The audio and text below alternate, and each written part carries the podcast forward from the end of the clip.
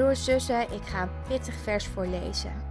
Het staat geschreven in Genesis 3, vers 15, waar staat: En ik zal vijandschap teweeg brengen tussen u en de vrouw, en tussen uw nageslacht en haar nageslacht. Dat zal u de kop vermorzelen, en u zult het de hiel vermorzelen. Wat een pittige woorden, wat een zwaarte, niet waar? Het derde hoofdstuk van de Bijbel is het donkerste gedeelte dat je in Gods woord kunt vinden. Genesis 3 vertelt namelijk over de mens die, die voor de zonde kiest. En sindsdien is de zonde een repeterende breuk met God. Als we om ons heen kijken, dan zien we de gevolgen daar nog van. Gods schepping zit vol met barsten en scheuren. Overal is pijn en lijden, ellende en verdriet, ziekte en dood. Het gaat geen huis voorbij. Het is in elk land zichtbaar, nietwaar? Broers, zussen, we kunnen daar naar blijven kijken. We kunnen er wanhopig van worden. En toch mogen we ook dwars door al dat lijden heen vooruitkijken. Ook in dit gedeelte.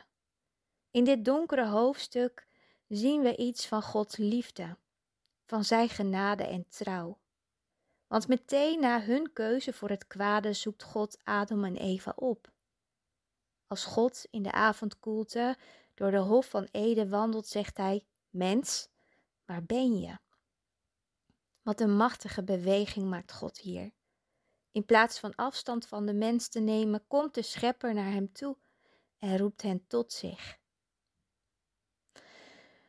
Hoewel de mens Gods goede schepping kapot heeft gemaakt, geeft de schepper hem de moederbelofte.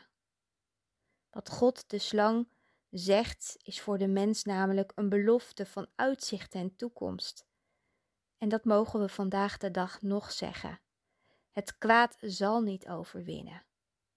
Want wat we lezen in Genesis is dat uit Eva, de moeder van alle levenden, iemand zou voortkomen die de kop van de slang zal vermorzelen. En eeuwen later zal de Messias, Gods zoon, dezelfde beweging, komt, God komt naar de mens toe, nog eens maken. Hij zal naar de mens gaan door zelf een mens van vlees en bloed te worden. Hij zal de hemel verlaten en kiezen voor onze aardse gebrokenheid. Het zal hem zijn bloed en zijn leven kosten maar hij zal het kwaad overwinnen. En al die dingen die te lezen zijn in het Oude Testament zijn vervuld in het Nieuwe Testament. Jezus is gekomen. Jezus is aan het kruis gegaan. Hij is opgestaan.